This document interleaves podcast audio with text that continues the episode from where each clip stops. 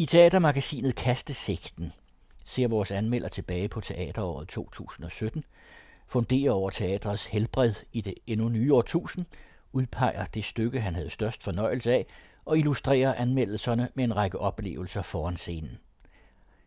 Blandt andet får vi en anekdotisk nekrolog over en af de mest markante teaterscener i Europa, Folksbyene i Berlin, hvor en teateræra sluttede i 2017. Og i den forbindelse bliver det også afsløret, hvorfra kastesigten har hentet sit kryptiske navn. Vi kommer i indslaget også rundt om Burgteater i Wien, men allerførst hører vi dog om, hvilke associationer en næsten nøgen Gita Nørby giver anledning til. Her den anden dag fandt jeg en papkasse efterladt på gaden, en set og sket 1971. Ældre lyttere kan nok huske disse meget tidstypiske årbøger, der udkom op gennem 1960'erne og 1970'erne, og som sikkert har glædet mangt en mandelgavevinder. I den, jeg nu stod og bladrede i, var der simpelthen også et afsnit om teateråret 1971. Og som de fleste nok kan gætte, er netop denne tidslomme præget af autoritetsopgør, eksperimenter og nøgenhed. Bogen dedikerer hele fem billeder til en stribende Gita Nørby på landets nationalscene, og kun en enkelt til en af de største klassikere i dansk teaterhistorie, Buster Larsens inkarnation af Jeppe på bjerget. Bogens omtale af teateråret fik mig som til at tænke på Morten Messerschmidt, men også på om teaterets rolle i kultur- og samfundsdebat egentlig har ændret sig siden 70'erne. Er der stadig autoritetsopgør på teateret? Rækker det stemme ind i det, man kunne kalde det offentlige rum? Og kan det stadig provokere og sætte dagsordner som dengang? Selvom mine tanker i lang tid kredsede om et nej, og hvorfor vores opsplittede medievirkelighed ikke kan sammenlignes med datidens monokrome set og sket, så endte jeg faktisk tilbage ved den opfattelse, at teateret lever og leverer i samme omfang som dengang, blot er de herskende kulturelle værdier nu mere eksplicit modsatte af 1970'ernes, og selvfølgelig er det også meget mere globalt i vores dagligdag. Men uanset alle årene og afvielserne, så finder jeg, at teateret er mindst lige så relevant i dag, som det var i går. Det eksemplificerede det første stykke, jeg så i 2017 på fornemmeste vis. Det hed Wut, vrede eller raseri, og spillede på Deutsche Theater i Berlin.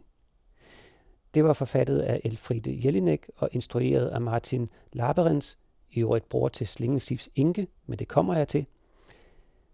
Det var et stykke, som den østriske Nobelpristager skrev som reaktion på angrebet på Charlie Hebdo i Paris i 2015. Det begynder med, at en skuespiller stikker hovedet ud gennem sprækken i det røde teaterforhæng og trækker vejret som for at lægge an til en længere monolog. Men han kan ikke komme i gang.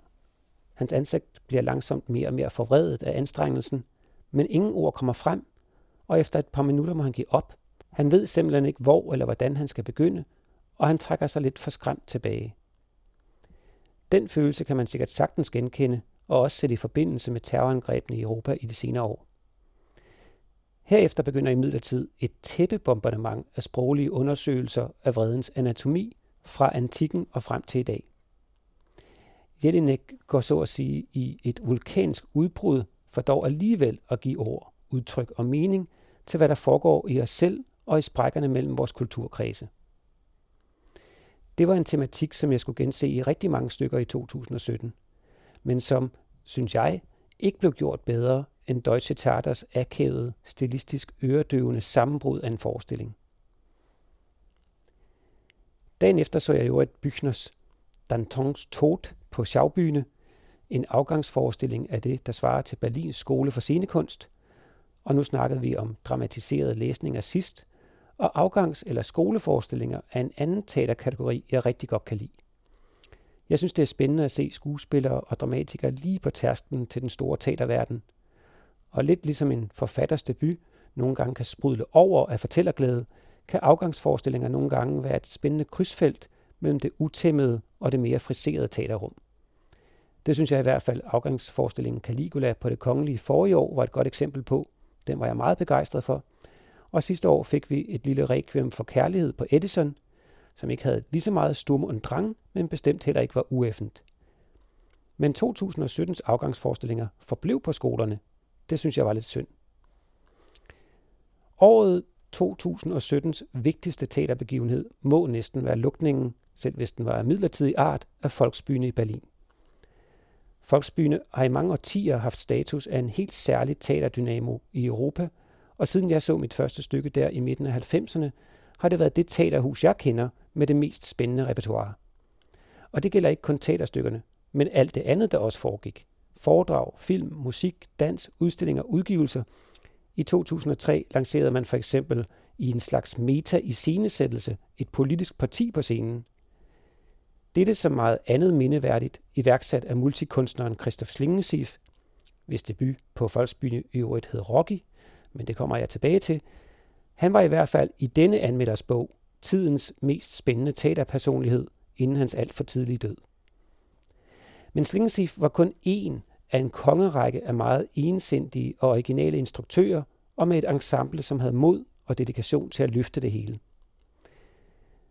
Det bliver for langt at byde ind med en egentlig nekrolog over teateret, som hentede sin historie, ånd og teatersprog tilbage i det kommunistiske Østtyskland, med alt hvad det indebærer af politik, subversion og dannelsesambitioner. Under alle omstændigheder besluttede byrådet i Berlin tilbage i 2015 at afskedige den legendariske leder Frank Kastorf og ansætte en ny kunstnerisk leder, den meget ukastorfske englænder Chris Durkin. Overgangen mellem Kastorf og Durkin skulle bruges til en længe planlagt renovering, men det gav kritikerne anledning til at kalde det for en lukning. Meget af balladen om vagtskiftet på Folksbyne har man også kunne læse om i danske aviser.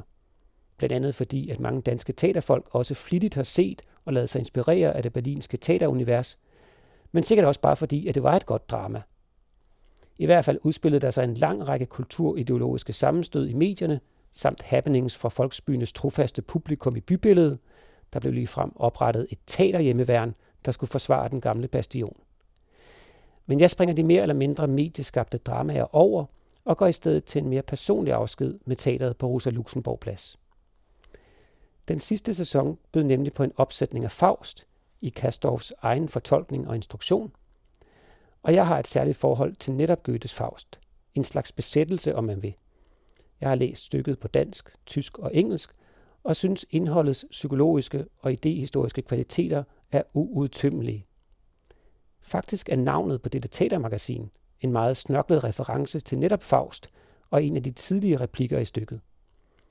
Det er der, hvor pudelhunden, som har fulgt Faust hjem fra sin spaceretur, forvandler sig til Mephisto, altså djævlen, hjemme i Fausts laboratorie, hvor til hovedpersonen udbryder, das altså var des pudels kern.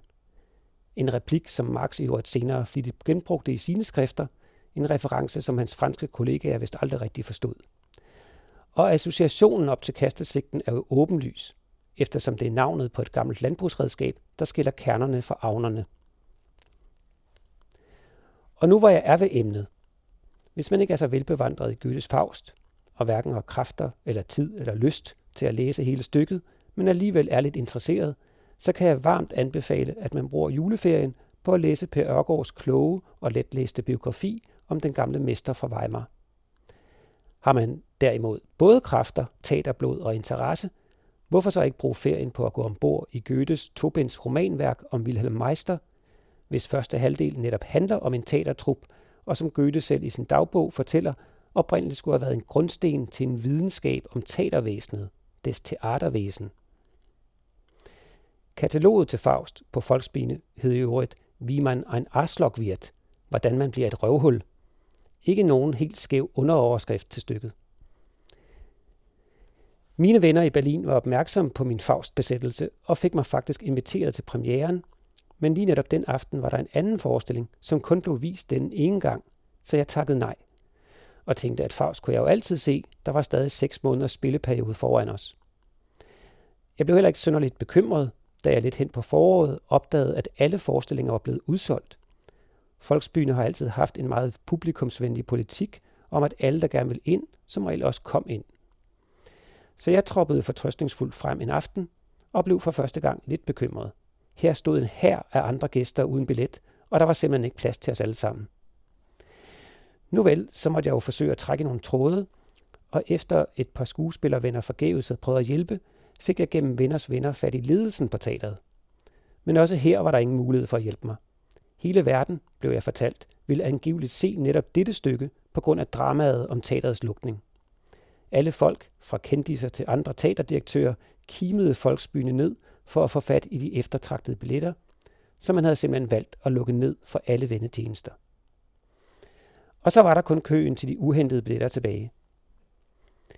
Dagen før den næst sidste opførsel kom jeg om aftenen, henvendte mig i teateret og fik at vide, at der i snit var 20 uhentede billetter per aften, og hvis jeg skulle have en realistisk mulighed, skulle jeg nok komme og stille mig i kø ved middagstid, altså fem timer før teateret overhovedet åbnede. Jeg kom halv tolv, og der sad allerede 19 andre ihærdige teatergængere på trapperne. Jeg var altså præcis nummer 20 i køen. Og tænk lige et kort øjeblik over billedet. Hvor tit ser man folk denne kø om formiddagen for at komme i teateret om aftenen? Ja, hvor tit ser man overhovedet kø foran teatrene? Det var også en meget broet køflok. Egentlig synes jeg meget fint afspejlende folksbynes rækkevidde. Der var et svensk kærestepar, et japansk vennepar, en amerikansk studerende. Hende, der sad efter mig i køen, holdt en plads for sin far, der var på arbejde. Ham, der sad foran mig, var en førtidspensionist, der jagtede oplevelsestrofæer. En spøjs midalderne fyr, der rejste rundt i Tyskland og hørte og så og oplevede alt det, man ikke ville gå glip af, eller omvendt kunne bryste sig af, uden måske rigtig at sætte pris på selve oplevelsen. Klokken 3 lukkede en venlig sjæl os indenfor i teateret. Klokken 5 åbnede kassen, og klokken 6 fik vi et nummer, der dog ikke refererede til det nummer, vi havde i køen, men det nummer billet, vi repræsenterede. Og da flere af dem foran mig skulle have mere end en, var jeg nu dumpet ned som nummer 26 i køen. I løbet af eftermiddagen var køen både vokset og skrumpet, og der var også kommet folk udenfor, der ikke gad køen, men stod med skilte, der kun gjorde, at de ville betale hele 350 euro, over 2.000 kroner, for en billet til aftens forestilling. Stemningen steg i intensitet. Men det lykkedes. Jeg fik en helt perfekt billet lige midt i teateret, og min førtidspensionist køven gik nærmest i ekstase over alle de kendte, der kom. Skuespillere, tv-kendte forfattere, som han venligt uopfordret udpegede for mig.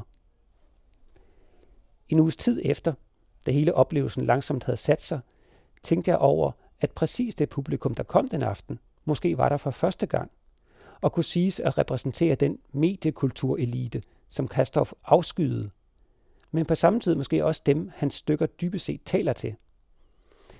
Hvorom alting er, kan jeg ikke sige, at stykket var godt eller dårligt. Det var ligesom hævet over de gængse tillægsord. Det varede syv timer. Scenografien havde angiveligt kostet 1,5 millioner euro, 10 millioner danske kroner.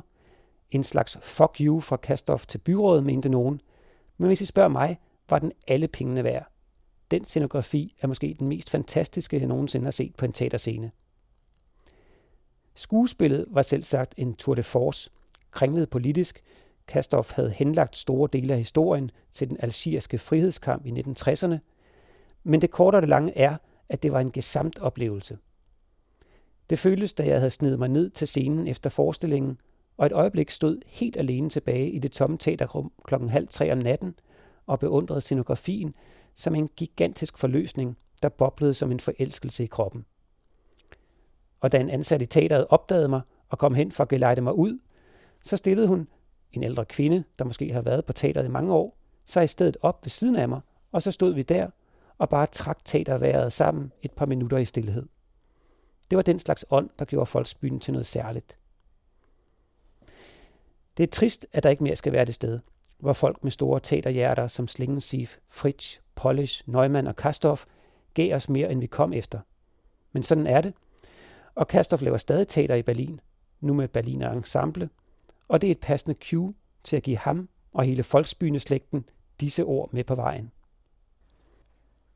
Læsebog for byboer. Sig farvel til din kammerat på banegården.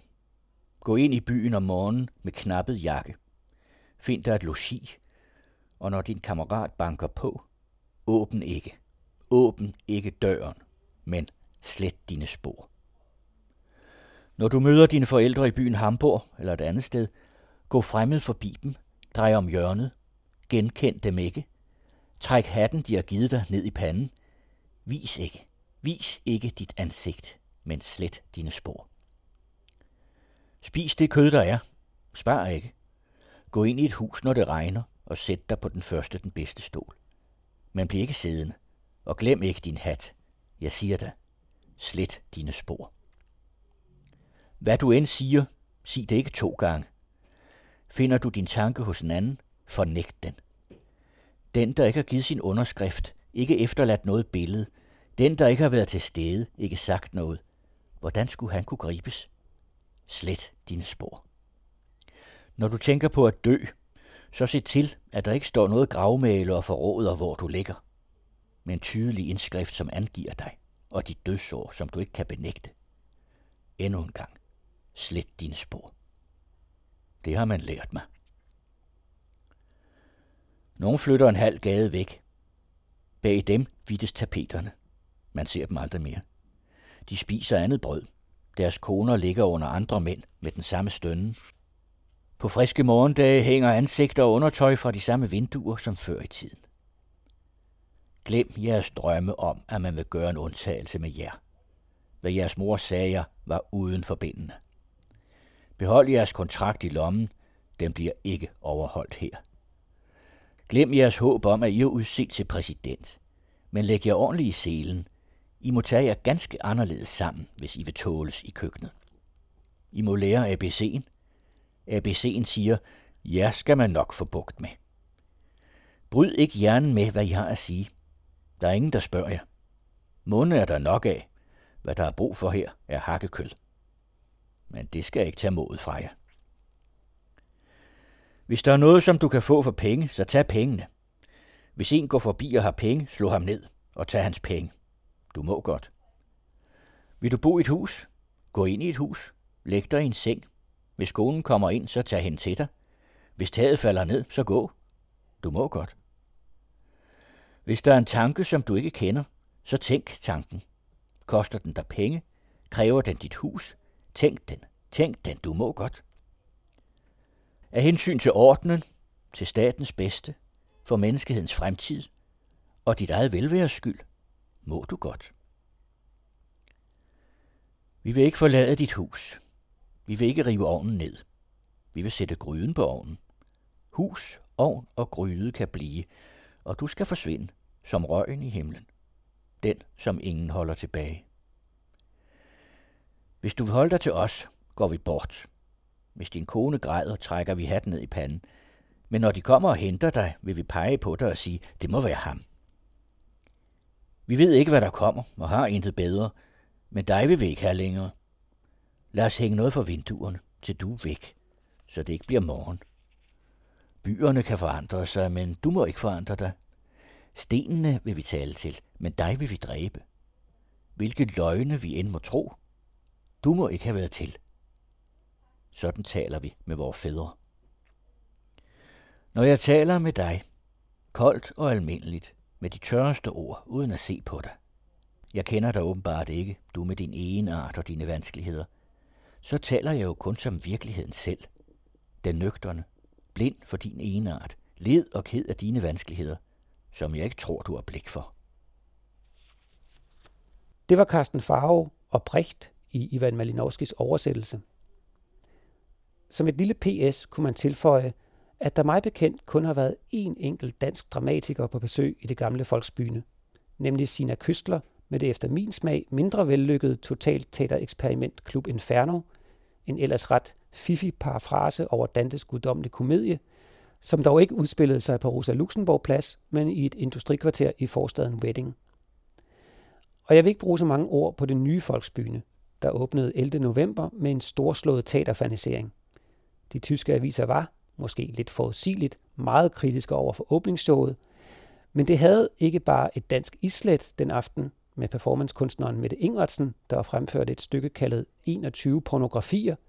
Hun er også annonceret som siddende i programledelsen på det nye Folksbyne. Altså kan man formodentlig vente endnu mere performance-relateret scenekunst her. Jeg vil ikke gennemgå en masse dansk teater fra 2017, men i stedet pege på det, der var den bedste teateroplevelse, jeg havde herhjemme, og rundt om det stykke væve nogle mere generelle betragtninger. Her er det måske på sin plads lige først at komme med en disclaimer, for det er kun de to sidste måneder af året, at jeg har stået på anmelderlisten. Og det vil sige, at jeg har set lige så meget teater i de to måneder, som i de foregående 10 til sammen. Og der er jo tvivlsomt meget fint teater, jeg er gået glip af. Ikke kun i København, for det er den anden disclaimer. Jeg har i år kun set dansk teater på de københavnske scener. Det ærger mig, at det har været sådan, og sådan plejer det heller ikke at være, men sådan var det. Så mit teaterår 2017 er altså ret begrænset, slet ikke repræsentativt for det danske teaterkalenderår. Og det må man naturligvis have i mente, når jeg her kårer årets teateroplevelser herhjemme. Og mit valg i 2017 falder på Tue Bjerring med, og nej, det er ikke Rocky på husets teater, selvom jeg er opmærksom på, at mange synes mægtigt godt om det stykke. Men det er ikke mit valg. Men når nu jeg har nævnt Rocky, så lad mig lige af omveje knytte et par ord til et andet teaterfænomen, som har fyldt meget i 2017. Jeg blev nemlig mærke i, at Gregers Stikken Holmfeldt, kongerigets flittigste teatergænger, i sin anmeldelse kalder Rocky en monolog, og videre skriver, at det var den helt store trend på de københavnske teaterscener.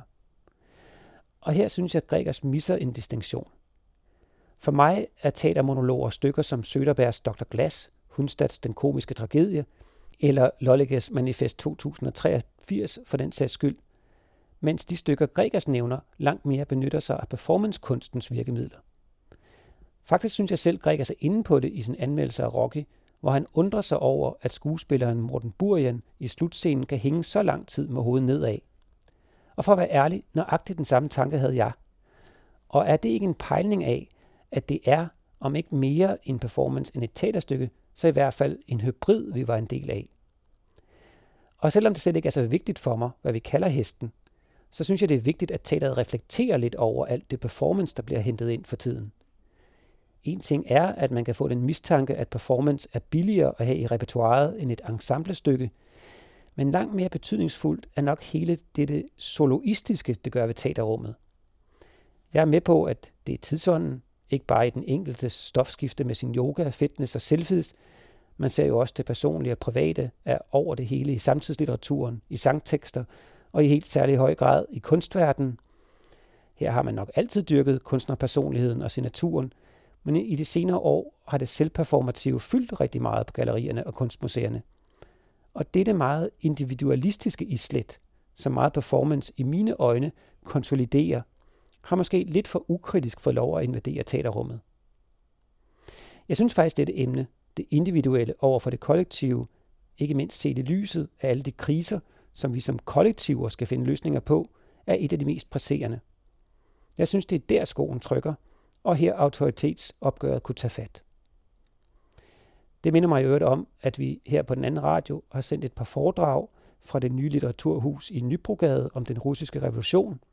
Et projekt, altså revolutionen, der uanset hvordan man i dag vurderer den hierarki, hensigter og konsekvenser, var et kollektivt projekt. Vi fik desværre ikke optaget det foredrag, hvor der blev talt om teater, men revolutionen blev naturligvis også afspejlet i russisk teater. Her er altså en forgænger, eller arv om man vil, hvor teaterrummet blev brugt til at diskutere det, der til synligheden står i vejen for det kollektive løft. Det er jo dybest set også det, der er tragediens indre dynamik i Faust, individets hybris, og det kunne man faktisk også sige om Rocky. Der var det individets mere eller mindre mislykkede forsøg på at forstå kollektivet, mens det stykke, jeg fik mest ud af i 2017, Vi er verden, et andet Tue her på Teater Sort-Hvid i april, det kunne man omvendt se som kollektivets forsøg på at forstå individet. Stykkets tekstforfatter hedder det også ganske passende hele holdet. Vi af verden foregik i en stor hvid kasse, som skuespillerne, tre af slagsen, langsomt nedbrød. Altså helt fysisk slog i stykker med forhåndenværende værktøj, mens de kastede mere eller mindre tørt brænde på udviklingshistoriens bål. Og der var ikke den der ellers meget udbredte angst for at blande komik og indviklet stof. Her var der både plads til at diskutere menneskets tilstand med Schopenhauer, det store porøse vi, natur over for kultur, drift og nødvendighed over for ugidelighed og passivitet, alt imens smarttelefonerne ringede og skuespillerne tog tøjet af og på igen. Hvis man skulle give en karakteristik, kunne man måske også sige, at det var en heldig blanding af Jelineks lærte åndsarkeologi, det ekspressive teatersprog, som sort dyrker, samt elementer af Monty Pythonske skæve indfald. Det faldt helt sikkert ikke lige godt i alle smag. Der er dem, som Morten Messerschmidt, der ønsker noget, der underbygger de danske værdier, som de ser ud fra Dyrehavsparken, og så er der dem, der kun har hån til overs for den slags. Men stykket lykkedes i mine øjne med at krydse frem og tilbage mellem det dannende, det bøvede og menneskeligt dårskab. Og det er muligvis milevidt fra hvad Tue Bjerring og holdet tænkte, da de skrev teksten. Men i den bevægelse synes jeg, de ramte noget helt særligt dansk. Nu ved jeg, at stykket parafraserede den amerikanske Hjælp Afrika-sang We Are the World, men jeg oplevede titlen mere som et vi, altså vi danskere er the world. Og det forsvæver mig, at meget teater og komik er fanget i den der tåbelige modsætning, at enten gør vi grin med, at vi tror, vi har verdens bedste pølser, fadøl og fremmedhed på den ene side, og den mere akademiske og indimellem selvflagelante dansker med sit selvbevidste provincielle mindreværd på den anden. Og begge stereotyper er jo lige sande, og lige meget en del af, hvem vi er. Og tillad mig i den forbindelse at hylde Nikolaj Dahl Hamiltons præstation. Og det er på baggrund af, at jeg synes, alle skuespillernes præstationer sad lige skabet. Men Nikolaj forstod i mine øjne på en eller anden måde at kropsliggøre noget typisk dansk med en vanvittig flot præcision på scenen. Hans mimik kunne nogle gange i samme ansigtsudtryk være fadelstummerten, den sofistikerede hipster, og det forvirrede, velmenende, orienteringsløse individ, der blafrer med al sin velstand og impotens. Ja, jeg synes, det var stor kunst, og det mindede mig om, hvor meget jeg savnede det røde rum. Hamilton og de andre udfyldte savnet den aften, men 2017 er det første kalenderår uden alt det gode teater, der kom ud af rugekassen det røde rum. I den forbindelse har jeg lyst til at nævne, at vi i sidste udgave af Kastesigten hørte ganske kort om publikumsnakken med Teater Sort-Hvids direktør Christian Lollicke efter stykket The Vampire Revolution. Og her ytrede han også en drøm om, at de nye lokaler kunne blive en slags Andy Warhols Factory med mange forskellige praksiser og udtryk. Og som jeg hørte hans tanker, dagdrømte jeg, at det kunne lyde som en slags røde rum møder folksbyene i kødbyen. Og det var det den aften i april. Men uanset hvad, er det en stor luksus at have fået et nyt teater i byen med ambitioner og mod til at udvikle teatersproget. Lad mig slutte min koring af Vi er verden af med at sige, at det er meget muligt, at jeg overvurderer dette stykkes kvaliteter. Måske stod teaterstjernerne på en helt særlig måde den aften, og mit humør var kalibreret til at sluge det hele råt. I hvert fald var jeg dengang lykkeligt uvidende om stykkets eksperimentelle karakter, og blev mildest talt forbløffet, da jeg senere læste, at store dele af dialogen var improviseret, derfor ændrede sig fra aften til aften, ligesom også at skuespillerne blev udskiftet, og at når man havde købt billet til en forestilling, ja, så galt den til hele forestillingsperioden. Det er altså meget tænkeligt, at nogle af de 546 publikummer, der købte billet til Via Verden, er gået mere forvirret og skuffet derfra, end den teaterrus, som jeg kom ud af døren med. Det kan muligvis også forklare anmeldelsernes spredning. Gregers kunne for eksempel ikke lide det, for rodet tror jeg hans ord var, mens hjemmesiden Ung Teaterblod, ligesom jeg, var meget begejstret. Jeg spurgte i øvrigt min trofaste teaterledsagerske, som har set en hel del mere teater, end jeg har i 2017, og hun pegede på maskerade på det kongelige som hendes bedste oplevelse. Også et godt valg, og det stykke går stadigvæk, så forsøm ikke muligheden. Nu har jeg lidt enøjet argumenteret imod de ofte egocentriske træk ved performancekunsten, men omvendt kunne man jo argumentere for, at det er en af teaterets fornemmeste opgaver at hive tidsånden ind på scenen, at bruge tidens trends som med- og modspiller i teatersproget, og på den måde afspejle, hvad der aktuelt rører sig imellem os. Et sted, hvor en sådan tanke vil være, om ikke det rene kætteri, så i hvert fald støde mod traditionens dybe rødder, af burgteater i Wien. Det gamle hofteater i Wien er vel for teaterfolk, hvad Jerusalem er for de kristne og mega for muslimerne. Det er et af de ældste, et af de største, og vel også det mest velrenommerede teater i Europa. I hvert fald i en konservativ, måske konserverende forstand. Hvis man vil have et lille indtryk af teaterets betydning i Wien, så kan jeg anbefale at lytte eller genlytte til afsnit 10 af Verden er i går, som ligger på den anden radios hjemmeside.